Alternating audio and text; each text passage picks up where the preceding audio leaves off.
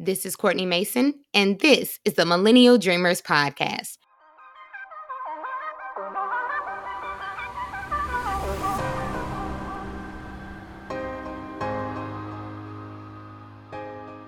Hey, hey, friend. Welcome back to the Millennial Dreamers Podcast. I hope you've been well. I've been sensational, and I'm just going to start by saying it is still the year of radical self acceptance. So I'm leaning into the fact that life got a little hectic for a few weeks. So it was a little mini hiatus there for a second, but I'm glad we are back, and I appreciate you for joining me for the return. Lots and lots transpired recently, but very few things have inspired me and brought up a topic that I wanted to discuss more than the nomination of and confirmation hearing for Judge Ketanji Brown Jackson. So, to give you a little background, on February 25th, 2022, President Joe Biden nominated Judge Brown Jackson to become the 116th Associate Justice of the United States Supreme Court. This is a big deal. Why? Because if she is confirmed, she will make history as the first black woman to sit on this country's highest court. You may have heard that tidbit of information in passing, maybe if you were like scrolling or you saw an article or something on Yahoo News or wherever you, you know, consume your news information. But in case you weren't familiar with her qualifications, I just wanted to touch on that for a moment. So, she is an Ivy League educated scholar. She graduated magna cum laude from Harvard University, then went on to attend Harvard Law School, where she served as an editor of the Harvard Law Review, and she graduated cum laude. She's also or she was, excuse me, also a law clerk for Justice Stephen Breyer of the U.S. Supreme Court, who she would be replacing because he's retiring. So, if her nomination is confirmed, this is interesting because she will be the only justice that has served as a federal public defender, vice chair of the U.S. Sentencing Commission. Now, Justice Breyer also served in that capacity as well, but he wasn't a federal public defender. No one has been in that role other than her if she's confirmed. She will be the only justice who, who has served as a federal public defender.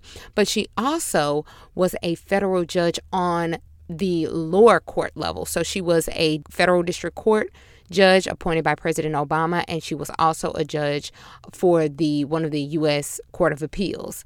She was appointed by President Biden, I believe, in 2021. So, loads of criteria, right, that would suggest that she is a shoe in.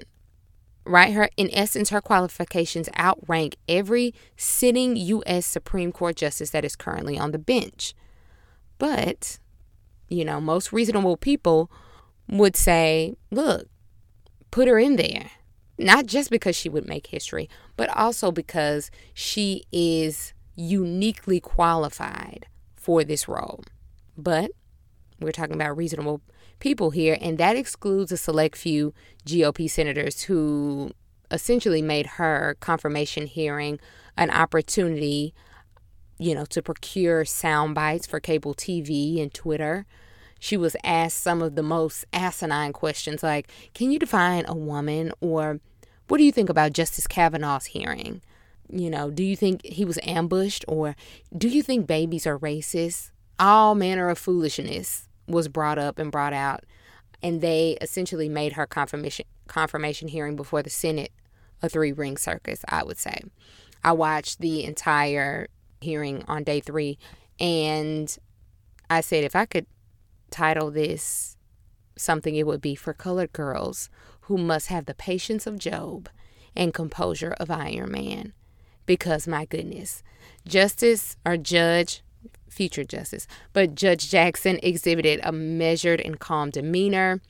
she wasn't rattled and i think because she was so calm and collected that rattled some of the senators because i think that the goal was to you can ask tough questions but the way in which it was done suggested that they wanted to rattle her they wanted to see if they can have her step outside of herself and you know if you're going to vote against the first black you know, justice to the Supreme Court, you got to have some reason to do so. And so they wanted to like trump up all these things so that when the vote came, they would have something to say. But in all actuality, she's likely going to be confirmed because, duh.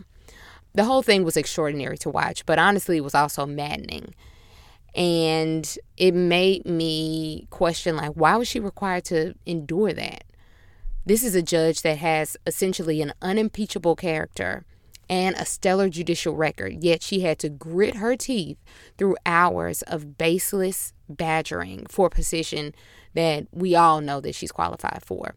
It just kind of reinforces the adage that it's taught to women at an early age, specifically black women, that we must be thrice as good or better than our contemporaries to get just as far.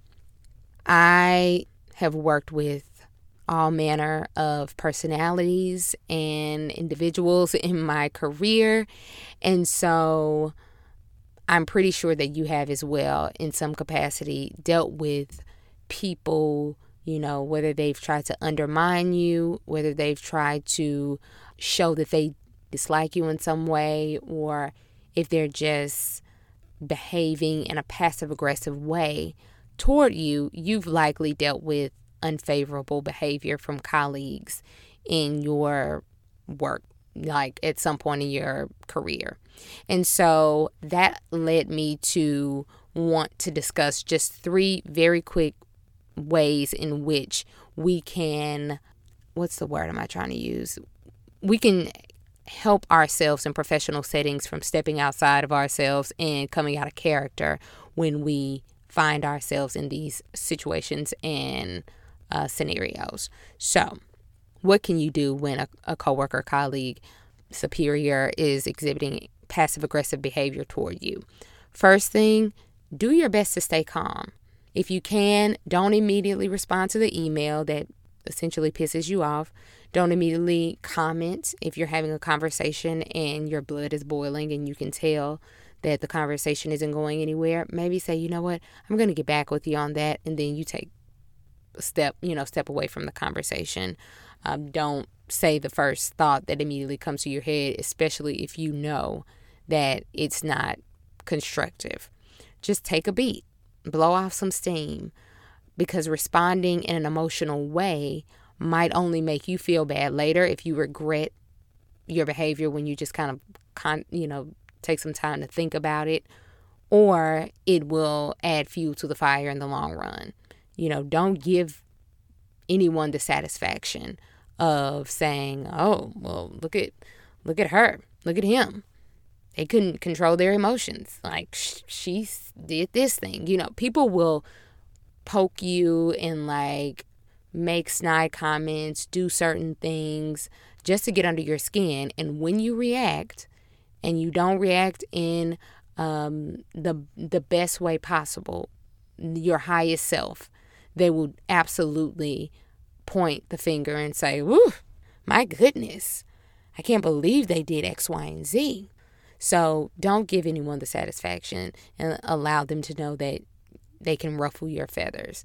I've said before, I've done the toxic work environment and dealt with what I would refer to as essentially emotional terrorists in the workplace.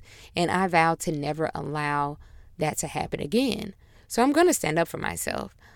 At best, if I get a, a email that comes in that's kind of snarky or um, condescending or whatever it might be, I will read it and I'm just going to continue on with what I was already doing if it's not an urgent thing and try not to give too much energy and thought to it because sometimes people are responding from whatever place. I don't, you know, they their commentary toward you or their actions toward you may have may not have anything to do with you specifically. They may be dealing with something else and they're being a certain way toward you. So I just, I'm not going to, you know, as best as possible, I try to tell myself, address this thing um, if it's not urgent when you have the time and the mental bandwidth to do so. Otherwise, I'm uninterested in giving people my power. So I suggest that for you, that's the first thing. Stay calm and give yourself a moment before addressing whatever the request is or even confronting the behavior if you feel like it's necessary to do so. Secondly, focus on what the person is saying versus their behavior. What exactly are they trying to convey to you? Because sometimes the message gets lost in the delivery. And as humans, it's hard to be rational and objective 100% of the time. Anyone who suggests that they're able to do so and they don't behave poorly or respond poorly on occasion, they're lying because we all do it. But in a professional setting, it's likely not personal what they're saying. Even though we might take the delivery personally, whatever work that needs to be done, whatever, it's not personal. It's really, you need to be about the business of whatever it is. So, if you can, try to compartmentalize what is being said and how it is being said so that you can deal with the mm, content before dealing with the delivery of it because you may want to address the delivery at some point, but I think the most important thing is likely whatever the content of the request is or what what's needed and what, what might be requested of you. And lastly, this is the third thing, on your part if there's some truth to what they're saying.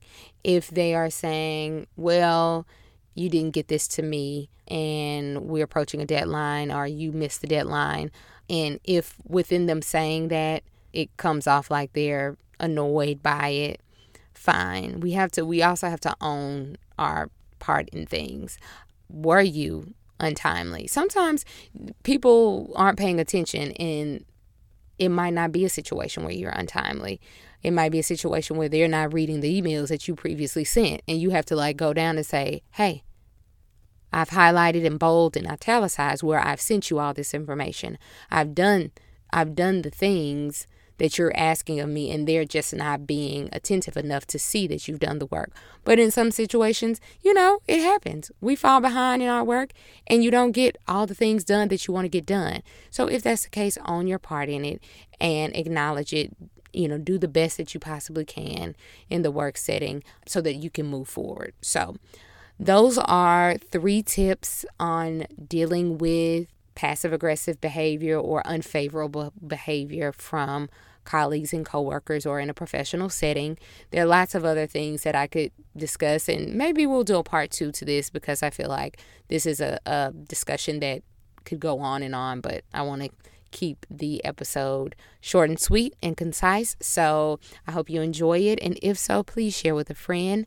So glad to be back from hiatus, and I'm going to try my very, very best not to get derailed again. But if if so, radical self acceptance. Okay. I hope you have a fantastic rest of your week, and we will talk soon, friend. Peace.